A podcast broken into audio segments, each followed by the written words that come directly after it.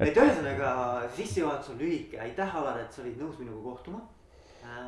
ja, ja millest ma tahan täna rääkida, on, on ütleme juhtimine, juhtimiskvaliteet kõik niisugused teemad, aga noh, esimene küsimus mul oleks tegelikult. kõik, ütleme, ütlen nii palju, et kõik teemad on arusaadavad, noh, praegu me ei saa küll vastama ja, ja neid on jah, ütleme, ma olen nende kõikidega kokku puutunud. et, et mis, mis sinu arvates on juhi selline äh, ülesanne ettevõttes või mille eest tema palka saab? ja, vot see on hästi asi ja ma olen seda oma tegevjuhile ka öelnud seda. tähendab, juhi tööl on hästi selge asi, juhi töö on otsus juhi töö ei ole arutada ja midagi, vaid juhi töö on, et noh, mingisugune otsus ära, et, et nüüd me siis ikkagi selle laevaga pöörame nüüd Rootsi poole ja sõidame sinna. ja enamus juhtimisotsuseid on võimeline tegema, kui me toimime tõesti iseendast niimoodi olemusest ilusti lähtuvalt, on võimeline tegema üheksakümmend viis protsenti otsustest, isegi ütleme üheksakümmend, tegema teise kursuse normaalse, selge, loogilise mõtlemisega üliõpilane. on võimeline kõik otsused ära tegema sellepärast, et inimene ülikooli lõppedes on faktiteadmised kõige suuremad asjad ja noh, need ei ole hästi, hästi keeruline. aga noh, ütleme just juhi palk tuleb selle ülejäänud viie või kümne protsendi eest.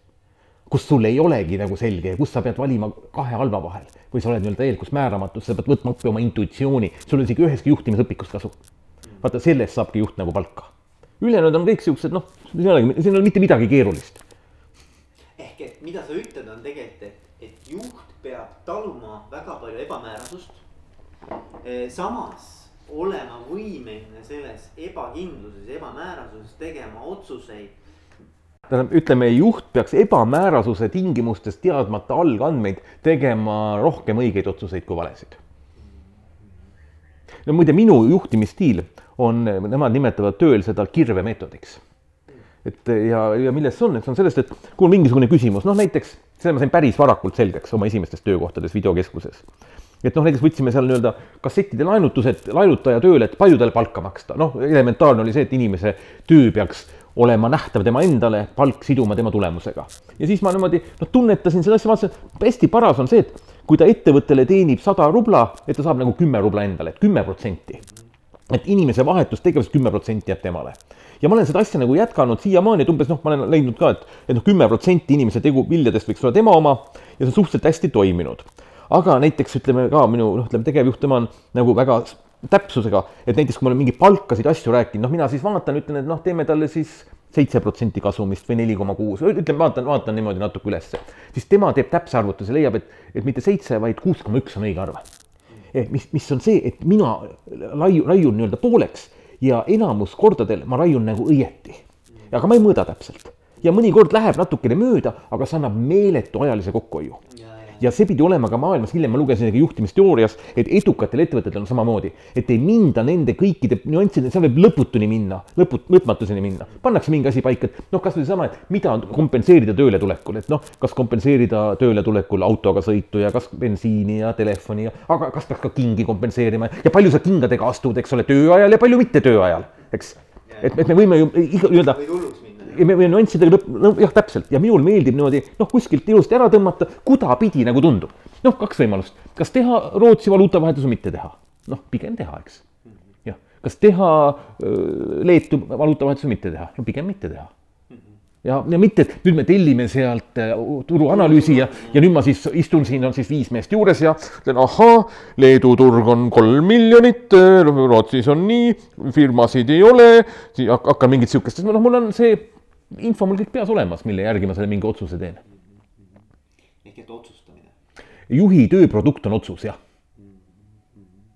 ja juhi tööl on veel see asi, et kui muidu saab alati näidata ülevale poole, et näed, tema on süüdi, siis juht ei saa ja juht ei saa mitte kunagi öelda, et temal vastust ei ole või et tema nagu, vaata, juht ei tohi nagu kõrvale hoiduda. see on, see on nagu, et kui mingi teema, mis jõuab minuni, siis ma vaieldamatult sekkun. mis sina pead edukuse standardiks, kui me võtame nagu juhtimise. et, et juhina olla edukas, mis sa arvad, mida tähendab? vaata, siin on nüüd üldse omaette küsimus, mis tähendab edukus. et kui ma, mina, tähendab, et see oleneb jälle mingitest tasanditest, et kui ma võtan inimese ja looduse, siis edukust määrab ainult järeltulijate arv kõik muu on äh, absoluutne kaduv, mingi mäng, mis läheb siia-sinna, eks ole, et edukust näitab ainult üks asi kas sinu geenid lähevad edasi või mitte, see on öelda looduses, eks ole. nüüd, kui me nagu äris seda edukust võtame et noh, kohe esimene küsimus, et kas Rein Kaarepere oli edukas, et kui sa teenid kümme miljonit ja sured neljakümne aastaselt infarkti, kas see on edu? et ma nagu seda edu ei saakski nagu üldse nimetada, et minu jaoks on äri olnud vahend, et saavutada endale vabadus. tähendab, edu on see, kui sa ei pea äriga tegelema. Vot, mulle nüüd, ma ei ole kunagi seda varem mõelnud, aga äriedu näitab see, kui sa saad ärist vabaks et minu jaoks inimene, kes ütleb, et äri ongi nagu elustiil või midagi, et noh, noh, minu jaoks on see hästi kummaline, et ma ise nimetan seda nii, et minul oli kunagi kirurgi sündroom. ja kirurgi sündroom tähendab seda, et kirurgile tundub, et kogu maailm murrab jalaluid ja mina olin ka viisteist aastat tagasi veendunud, kogu maailm vahetab ainult valuutat. Et, et, et ja kui sa tegeled äriga, siis sulle tundub, et see ongi ainukene elu mõte. ja mina arvan pigem hoopis, et see on hästi kitsas lähenemine. et äri on sisuliselt, noh, siin on üldse, kõik on moondunud, äri eesmärgiks on kasum, mis on ka vale. et äri on kujunenud välja selleks, et pakkuda ühiskonnas Eh, nii-öelda vajaminevat teenust või teha meie elu õnnelikumaks. sellest on nii-öelda äri alguse saanud, et äri kui nii-öelda elustiil, et kas sinu elustiili mõte on see, et teised oleksid siis õnnelikumad, eks. et sa pakud ühiskonnale teenust, et seda ei ole. nii et praegusel hetkel sellist nii-öelda edukat äri ma, ma isegi ei oska seda siin sõnastada. et mis on edukas äri või noh, äri on üldse üks kummaline termin. aga juhina ütleme, aga ma mõtlen, et, et, et kui sina näiteks hindad ise ka ütleme, kas oma ettevõttes või, või, või, või, või, või muidu, et, et kuidas sa nagu, mis on nagu selle juhi jaoks selle. ja, nii ma võin öelda, edukas juht on see, kes on võimeline nägema ettevõttes nähtamatuid niite. ja kes ei juhi mitte korraldustega, vaid noh, tähendab, esimene asi, et juhitakse küsimustega, eks ole. ja juhib läbi oma autoriteedi ja kelle puhul äh, kõik töötajad tahaks, et tema just on juht et, et jah, kindlasti pigem hästi-hästi oluline on, et eh, näha ära, mis seal ettevõttes on, et no enamasti on, juhitakse formaalselt, et noh, see nii-öelda see formaalsus, see tuleb üldse kõrvale jätta minu arust. see on kõige, kõige mõttetum asi. et noh, korraldus, see on sinu tööülesanne või mingite asjade, noh, see on noh, see maailm toimib nii, aga sisuliselt ta ei toimi. et sihuke, ütleme siukene noh, formaalsetel mingitel ametikirjeldustel, ma ei tea, mingitel lepingutel põhinev maailm on üks asi, eks ole, aga see, mismoodi nagu tegelikult läbi saadakse ja ma arvan, et siin me jõuame selleni ka, et mis on see usaldus. Et.... ja usalduse koha pealt ma võin kohe öelda, et, et äh, usaldus, siin oli küsimus sul ka, ma lugesin, et kui palju peab usaldama ja kui suurel tasandil peab usaldus olema, siis minu lähenemine on lihtne, et ettevõttesiseselt peab olema usaldus sada protsenti et sa pead näiteks noh, meil on ka umbes, et, et äh, kui meil on mingid päevaaruanded või asjad ja siis umbes, peavad olema kodeeritud ja mina ütlen, aga et kui see oleks mul internetis üleval, no las inimesed kõik vaataksid maailmas seda, no mis siis nüüd juhtub? et ma ostsin täna kolmkümmend viis tuhat Norra krooni. no ja mis siis nüüd lahti on? et, et see usalduse küsimuse ma nägin siis, kui oli niisugune asi nagu Silveri valuutavahetus. üheksakümnendate algul ja meil oli ka. siis Silveri valuutavahetus lähtus sellest, et omanik luges iga päev, iga õhtu raha üle sest tema ei usaldanud oma töötajaid. Ja mina mäletasin väga hästi, et ma mäletan seda hetke ka, kus sul nagu, et kas sa usaldad, siis ma sain aru, et minu ainus variant ongi usaldada. et see, et tähendab, et teist varianti ei ole. et juhul, kui ma ei usalda, noh siis, siis ei saa töötada. et see on, tegelikult on seesama küsimus, et noh, oled sa, sul lapsi on, pered on, et kas sa usaldad oma rahakoti lauale, et äkki lapsed võtavad raha ära või? usaldan. et noh, on, eks sõpradega sünnipäeval usaldad rahakotti taskusse et äkki võetakse ära? Kas on kohti, kus sa ei usalda, restoranis usaldad? restoranis ka usaldan tegelikult mm -hmm. jah ja., et tegelikult ma, ma, ma arvan, Eesti ühiskond on suhteliselt nagu kõrge usaldustasemega tegelikult. jah, jah, et mina leian, et tähendab, usaldus on hästi oluline. mul on veel ka väga lihtne lähenemine usalduse koha pealt. et ütleme, suhtlemise puhul alati suhtlemisel uue inimesega või uue firma, ükskõik kus koha peal, eh, tuleb alustada, ma nimetan nii positiivse käiguga. Ja selle oleme võtnud üle ühest sellisest uuringust, mis tehti arvutiprogrammide kohta, et uurida, milline on kõige edukam arvutiprogramm. ja arvutiprogrammidel oli võimalik nii-öelda teha lähenemist toetav käik ja nii-öelda vastanduv käik ja ma ei tea, kuidas täpselt see programm käis, aga mõte on niimoodi, et kui sina alustad lähenemiskäiguga ja teine sulle vastandub, siis tuleb vastata vastandumisega. kui teine alustab minuga vastandumisega esimesena, siis mina vastan ikka lähenemisega. Ja kui ta siis vastab vastandumisega, siis vastandu. nii et sinu enda esimene käik hoolimata teise käigust on alati nii-öelda teise suunas, positiivne. ehk et sa tegelikult annad selle võimaluse et sa, sa alati nagu eeldad, et teine pool on ka usaldusväärne. Jah. Ja, ja siis sa vaatad alles pärast teist nii-öelda sammu et kas see väärib seda usaldusväärsust või mitte. ja ütleme nii, et kui inimene tuleb ja tema kohta on see, et eelnevalt olevat seda teinud, siis noh, seal ja, ja isegi kui ta minu suhtes esimene käik on negatiivne, mina ei ole teinud veel, siis ma saan no, aluseks võtta, et see on tema a la mingi lapsepõlve traaga tra,, tragöödia probleeme, et, et eh, kindlasti tuleb esimene samm olla, noh, mina pakun välja usalduse. mis ei tähenda muidugi seda, et kui mulle tuleb siin eh, Ghana kulda tullakse müüa ja ma siis nagu usaldaksin seda, eks ole, et noh, see, need on teistsugused küsimused. riskid peavad olema ka ikkagi. see on, see on hoopis teine küsimus, jah.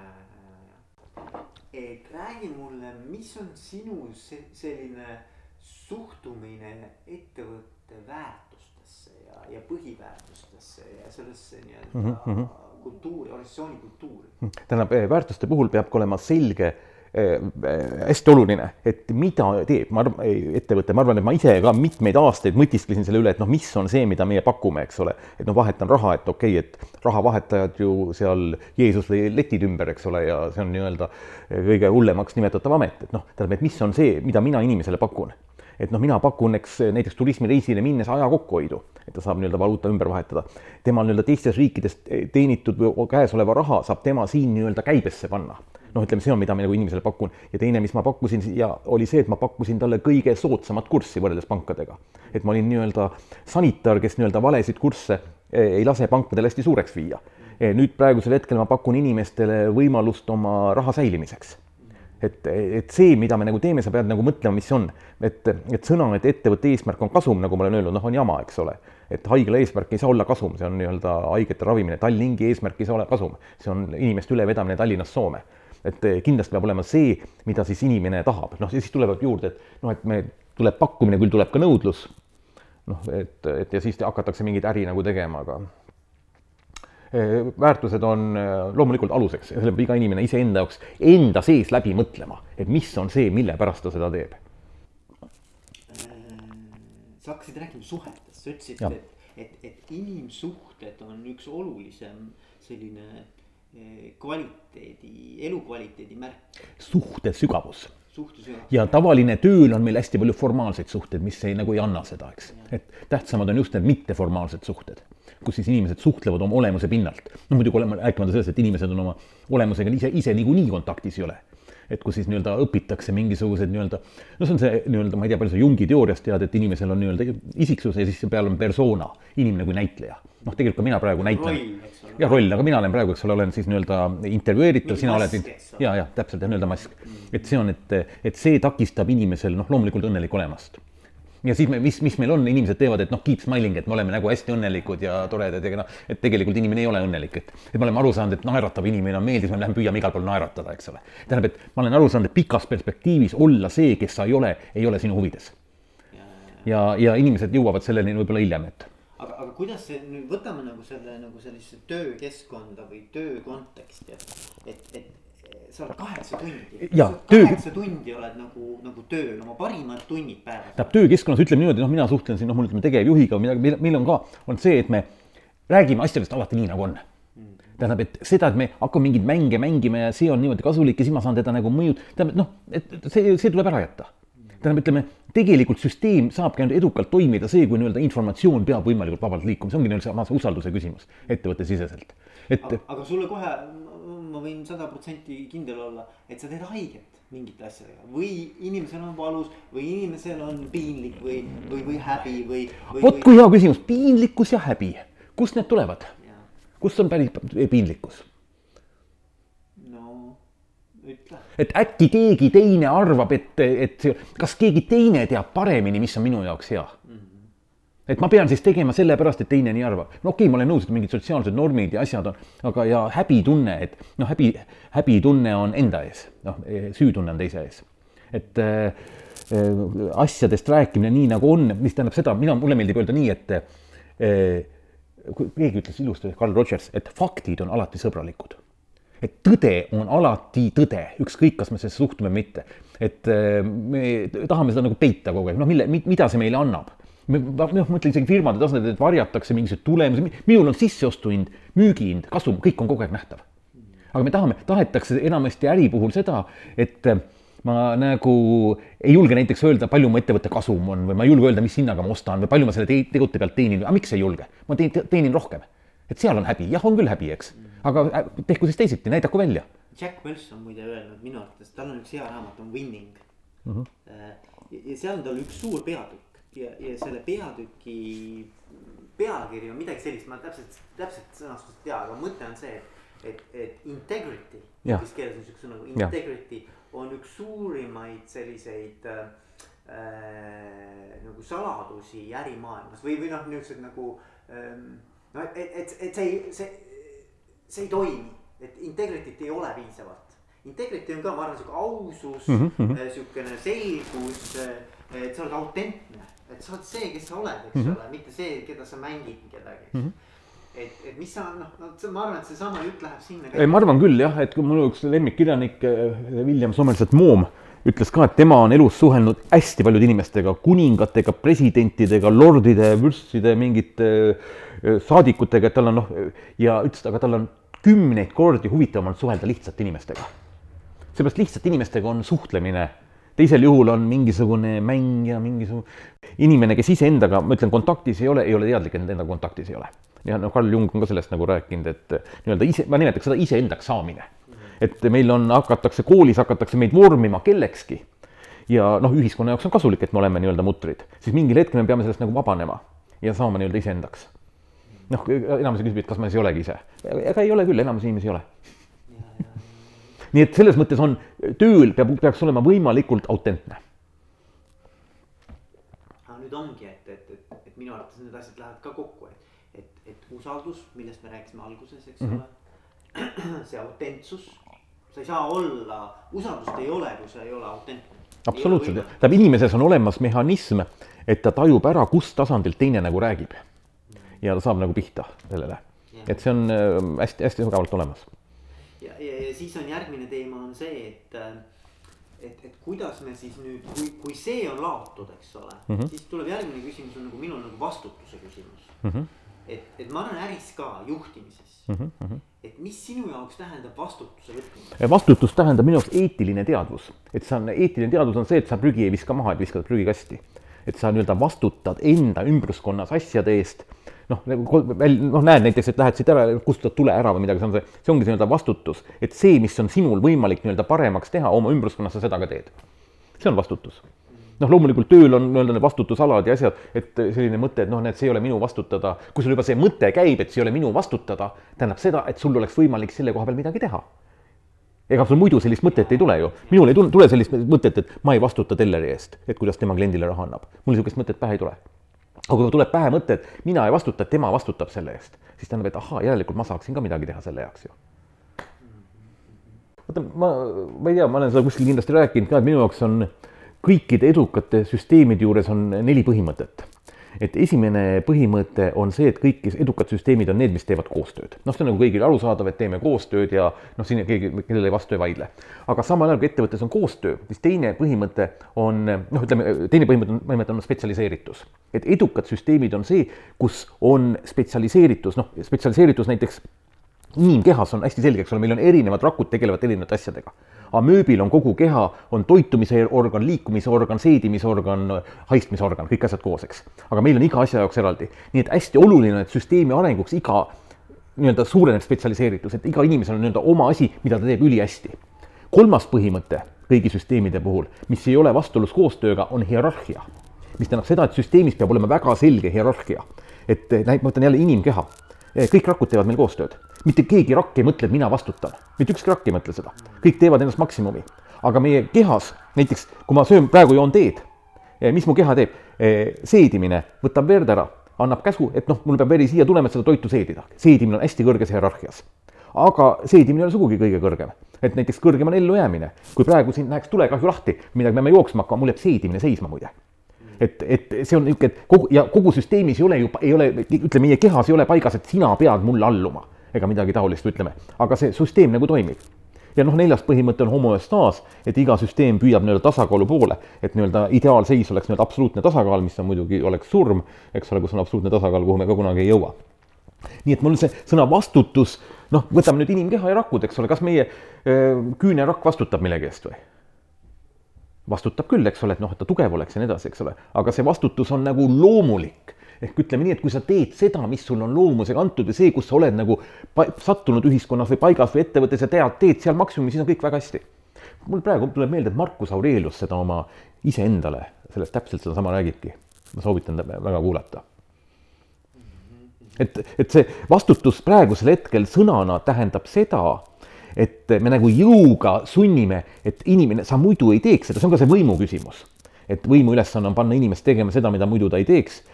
ja siis nii-öelda, et, et sa pead nüüd tegema seda, et nagu veel täiendavalt, et noh, et küsid, kas sa vastutad. et nüüd, nüüd sa veel, nüüd sa pead veel ütlema, jah, ma vastutan, siis ma saan öelda, et sa nüüd ei vastutanud, et sa ei teinud seda, mida sa tegid. see saab tulla, noh, seest on niivõrd loomulik. Nagu kas see... lill vastutab, et ta läheb õitsema?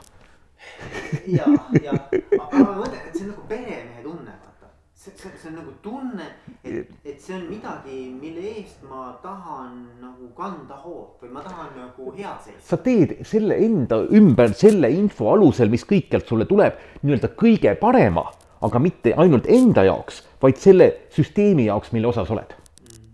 et sa, noh, see on see film, võib-olla sa oled näinud seda Piinatud geenius kus siis nii-öelda on seal nii-öelda üks blond, eks ole, kõik siis neli meest ütleb, kui me kõik läheme ühte blondi ründama, siis me oleme kõik ilma. me pea, pea mõtlema enda peale, vaid oma grupi peale.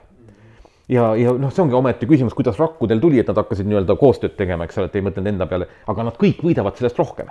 et kui siis, mina ütleks, et esimene hüpe on see, kus inimene mõistab, et kui tema kollektiiv, kuhu temale kuulub, et kui sellel läheb hästi, siis tal saab üldse hästi minna. teisel juhul tal ei saagi üldse hästi minna ja kui sa sellele teadmisele jõuad, siis sinu, see on nii-öelda alateadvuses olemas, siis iga asi, mida sa teed, kuhu sa oma tähelepanu suunad, siis su aju või ühika töötab see läbi just selle eesmärgi nimel ja kasuks. ja sa ei pea sinna seda mingit lauset juurde panema, et sina nüüd vastutad. selle sina nüüd vastutad on nagu kogu selle asja nagu lõhkumine, et sa nüüd ei tee seda, see on jälle selline nii-öelda jõuga sekkumine. aga noh, ütleme see sõna, see ei tähenda, et vastutust ei ole, vastutus on olemas, aga see on nii-öelda loomulik et kas, kas, kas mõni ema, kes sünnitab lapse, ütleb nüüd, et mina nüüd vastutan lapse eest, ta ei saagi teistmoodi toimida ja ettevõttes see samamoodi peaks olema. see on, need on, see on niivõrd elementaarne, see, see toimib, vastutus toimib ilma sellele, et me peaks juhtima, ütlema, et see on vastutus. kas ma ütlen endale kogu aeg, et ma pean iga päev sööma? ei pea ütlema, mul tuleb selle kohta info ja ma söön, eks ole jah, jah, jah, ütleme antud olukorras igal sekundil teen ma antud suure pildi jaoks kõige parema tegevuse. no ütleme, meie rakud teevad kogu aeg kõige paremat asja meie jaoks, mulle väga meeldib inimkehaga võrrelda. on, on jah, kui sa võtad suure ettevõtte, siis mis on nagu äh, pahatihti juhtub, on see, et on mingid hallid alad, mis jäävad kahe osakonna vahele mm -hmm. või, või kahe mingi protsessi vahele et, et kus nagu pall on õhus, aga keegi kinni ei püüa, sest et nagu tundub, et nagu minu piir läheb siit ja sinu piir läheb sealt ja siis see pall nagu on seal noh, kukub, kukub, kukub, mõlemad näevad, et see kukub, eks ju, tema näeb, mina näen. aga kuna see on natukene nagu siin piiri peal, siis ma seisan edasi ja ütlen, et minu osa korras. vot seda, see on jah, see on niisugune, ma nimetaks destruktiivseks tegevuseks. ja, ja on, jah, ideaalne oleks see, et noh, isegi kui tõesti on, et siis võiks ka nii-öelda no ütleme, üks ülemuse ülesanne ka on neid asju eh, lahendada ja määratleda ja nagu paika panna ja arutleda, kuidas me nüüd selle lahendame, eks ole. et, et nüüd on see, et kui sa sisemiselt saad aru, et see pall kukub, et suures pildis me hävime kõik. et mitte ainult sellel, sellel hetkel võib-olla on nagu see ei jõua minuni, aga noh, inimesed ei näe neid seoseid, et oma töö ja hilisema kasumi ja palkade vahel, et noh, mina nimetaks, on ikkagi jälle vaimne võimetus. ma arvan, et see on, see on nagu oluline, mis sa välja tood, et ka juhtidel, ma arvan, veel võib-olla kõige olulisem juhtidel kuhu sa nagu oma huvide ringi asetad. et kas, kas, kas sa seisad oma üksuse eest. on ju, kui sa päris mm -hmm. tippjuht ei ole. või sa asetad ennast ikka eelkõige esimesena organisatsiooni tasemele. ja siis nii-öelda tuleb alles sinu üksuse osa, et, et alati organisatsiooni huvid on kõrgemal sinu jaoks mm -hmm. kui sinu üksik Äh, nii-öelda üksuse huvi. et äh, ja paraku on nii, et kui nagu organisatsiooni huvid seatakse kõrgemale, siis mitte ei seata sellest kõrgemale, et on jõutud filosoofiliselt sellele järeldusele, et on mõtiskletud ja aru saadud, et see on ka mulle kasulik, vaid see tehakse seda sellepärast, et saadakse aru, et minu karjääri jaoks on kasulik ülemuse jaoks niimoodi toimida. ja ka üksuse jaoks. aga, aga ta, jah, aga ta ei saa sellest aru, praegu, praegu toimitakse valel alusel. et ta, ta enamasti on need läbi mõtlemata. No see on nagu me, me oleme paadis, eks jah. kui paat kohale ei jõua, siis ei ole vahet. kas see minu iste seal on kuiv või ei ole, noh, ma ei jõuagi, ma ei, ma ei randu, eks ole mm. -hmm ei ole vahet, ma pean mõtlema, et kogu paadi huvides mm, -hmm. me kõik koos jõuaksime mm -hmm. kohale, see on ainuke variant, eks ole mm. -hmm. et äh, ja no ma arvan, et see on nagu hästi oluline ka ja see, ja see on, see on siukene ka äh, niukene noh, ta ei ole nagu otseselt vastutuse teema, aga ta on, et kui laialt ma tegelikult samastun selle tegevusega, milleks me siin ellu kutsutud mm. oleme. ei no siin on juba see samastumise küsimus on ju, ma ei tea, palju te Koolbergi moraalse arengu teooriast teate mm. -hmm. et Koolberg ütleb, et noh, samastumine, inimese areng on samastumine järjest suurema struktuuriga et, et algul ütleme, väike laps samastab ainult iseendaga, et noh, teisi üldse ei eksisteeri, isegi kaks last mängivad koos, ei ole. kui me vaatame esimene, teine klass, lapsed, eks ole, meie oleme A-kad, teised on B-kad, on samastumine oma klassiga, siis on samastumine oma kooliga, me oleme Kusti kool, teie olete reaalkool. Edasi on samastumine oma linnaga, me oleme tallinlased, Tallinna Ülikool, teate Tartu Ülikool samastumine, praegu me oleme eestlased, eks ole, aga Tšetšeenil on püss seljas ja noh, ISIS tahab ära tappa, eks ole, et, et samastumine mitte ja siis oma ettevõttega samastumine peaks olema võib-olla kogu inimkonnaga või samastumine kogu loodusega. ja noh, ütleme kõrgemad tasandid on sama, samastumine kogu universumiga, nagu öeldakse, müstilised kogemused. et see ongi, kuhu, kui kaugel seal on, et me samastame oma kollektiiviga, miks kollektiiviga, äkki samastame ikkagi kogu elus loodusega. aga et, tegelikult ongi. kuhu me selle piiri tõmbame kui, kui nii-öelda. mina tõmbaksin piiri ikkagi kõrgemale. Et mina võtaks ikka, mulle meeldiks ikkagi kogu nii-öelda universum aluseks võtta, et noh, selle koha pealt siis see inimkonna väljasuremine ei ole ka mingi probleem, eks ole. või nii-öelda, et, et kogu universum jääb alles, on jälle, et kuhu kohta me piiri tõmbame. me oleme praegu enamasti noh, ütleme okei okay,, me oleme kollektiivi tasandil. et kui see on sinu kollektiivile kasulik, aga inimkonnale kahjulik, kas sa teed seda? kui sa oled ettevõtte juht, et kus on see nii-öelda samastumise piir ja mina ütleks, et mida kõrgemal on see samastumise piir, seda, seda parem. Ja loomulikult ei saa seda oodata ja veel vähem käsu korras teha ja, ja, ja nii-öelda ma ütleks, et maailma ja inimkonna gravitatsiooni kese on tõesti, IQ keskmine on sada ja nagu ma siin viitasin Platonile, siis ma ei saa öelda, et Vana-Kreeka ajal kõik inimesed mõtlesid nii nagu Platon, tema oli ikkagi üksik ja, ja, ja see nii-öelda Sokrates kästi ju veel mürki juua, eks ole. et, et niisuguseid nagu eesrindlikke mõtlejaid pigem nagu kiusatakse taga et äri on ainult üks osa maailmast mm. -hmm. aga ütleme nüüd niimoodi, et, et, et on keegi uus juht, roheline juht. mis soovituse sina annaksid, et oleks inimesel võimalik edaspidi edukas olla? kui sul oleks võimalus üks minut öelda, et no mida sa soovid? ta on nüüd just juhiks saanud või? kui ta on just juhiks saanud, siis on niikuinii viisakalt öeldes perses. tähendab, et, et siis, siis on see Napoleoni sündroom ja, ja, ja võimukompleksid ja need kõik tuleb läbi elada seal ei ole mitte mingit pääsu, ma, ma olen seda näinud kakskümmend viis aastat kõikide noorte, noorte puhul, see on, see on eh, vältimatu, see käiakse läbi. Et eh, ükskõik, mis nõu sa annad ja ta seal noogutab ja, ja asjad ja, ja ikka siis ta tuleb ja käsutab ja, ja tähendab, esimene, inimene peab esiteks aru saama, et juhtimine ei ole käsutamine. see on esi, esimene asi, juhtimine üldse ei ole käsutamine et kui sa, kui sa tahad kedagi midagi tegema panna, siis heal juhul võid sa teha nii-öelda küsimusena, kas sa saaksid selle ära teha, mitte et tee see ära, eks ole. et see on nagu, see on nagu kõige esmane ja edasi, kui ta on nii-öelda uus juht, siis noh, ettevõttes pildistamine, ma nimetan, aru saada, mis toimub.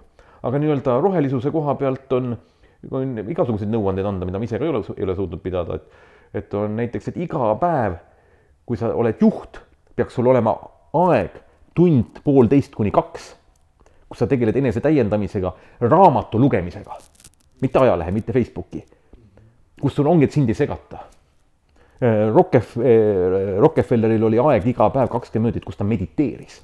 kus isegi president ei tohtinud talle helistada, pani ukse kinni, keegi ei tohtinud ühtegi telefoni vastu ei võtnud.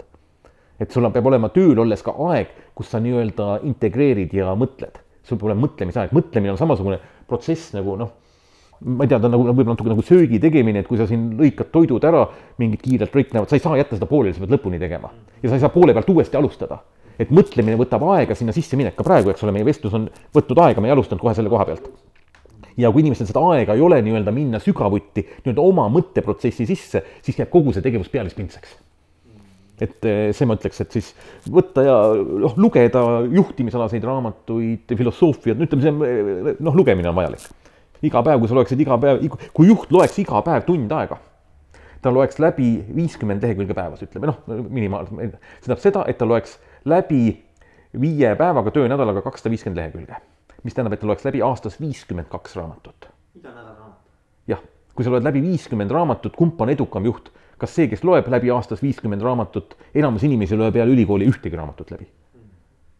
et äh, see on see küsimus ja, ja mis noh, vaat see ongi seesama asi, et millega me tegeleme, me tegeleme raha teenimisega, et eesmärk on äri, eks ole, raha teenimine. aga eesmärk peaks olema inimese enda areng.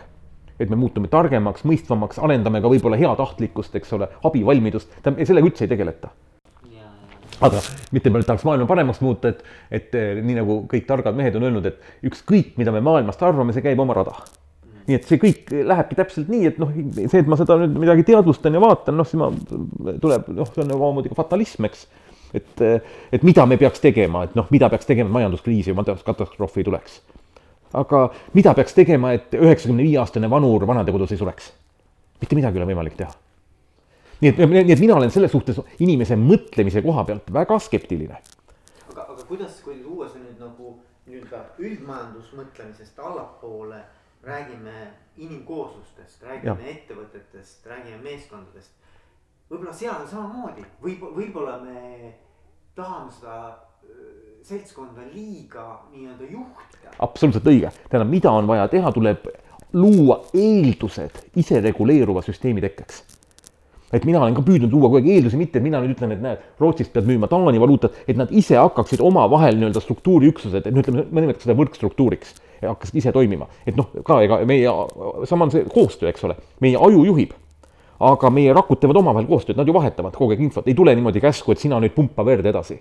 Ja samamoodi peaks olema ettevõttes, mitte ülevalt poolt ei ole käsuna, vaid see ongi nii-öelda sinu enda ainuvõimalik tegevus üldse selles hetkes sest see on nagu sinule ja süsteemile Loom,, loomulikult rakk peab ennast samastama eelkõige kehaga ja inimene ka ikkagi oma kollektiiviga, eks ole, kõik me ei saa samastada ennast universumiga ja, ja igat rohulille seal niimoodi kummardamas käia, ma saangi sellest aru. aga jah, põhimõtteliselt nii ma seda asja näen. et, et, et, et, noh, ütleme, kui me räägime, on ju ettevõtteid äh,. ProExpertki on praegu mm. -hmm. üks ettevõte, kes kolm aastat on nüüd juurutanud sellist juhtimismudelit, kus tegelikult juhte ei ole.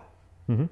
väga, väga õige juhte ei ole, on vastutus antud tiimidele mm. -hmm. tiimid ise otsustavad Mm -hmm. kuidas nad teevad, mis on kõige mõistlikum viis läheneda lahen- mm., sellele probleemile lahenduse leidmiseks.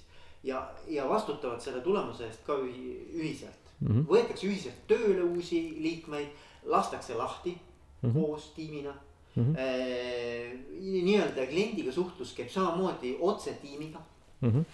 et, et võib-olla see ongi õige lähenemine. ja ma arvan, et tiimis tekib, vaata, ta võib olla tiim, aga vaieldamatult on tiimis ka oma nähtamatu liider natukene. no tekib ikka. ja, ja, ja, ja ühel hetkel tekib üks ja teisel teine ja kõik see, aga ta peabki olema dünaamiline süsteem ja, ja tuleks hoiduda igasugusest jõust. igasugune jõu rakendamine on kõige hävitavam. mm. -hmm. sest et, et mina arvan, et siis on ka see pühendumine, vaata pühendumisest me ei ole rääkinud, aga just, et see, see pühendumine hoopis teisel tasemel. aga selleni jõuab inimene läbi nii-öelda isiksusliku arengu. Et, et praegu me, kuna seda ei ole, siis me üritatakse seda nii-öelda jõuga, sa pead pühenduma, et siis inimene, juhul kui ta ei pühendu, siis ta tunneks halvasti, et tal oleks häbi ja süütunne ja kõik need muud asjad juurde. Et noh, mina, mulle meeldib ikkagi öelda selle koha pealt, inimkond on alles noh, nii-öelda lapsekingades, me olemegi niisugused noh, vaimselt nagu ma ei tea, puberteedid siin. keda, kes, kes, kes nii-öelda autoriteedile allub ainult sellepärast, noh, see on see moraalse arengu teoorias, et algselt inimene täidab käsku sellepärast, et teine on temast tugevam ja jõulisem, mitte ei ta saa aru, et see on nagu õige ja kasulik aga olgu, Alar, et äh, tänud sulle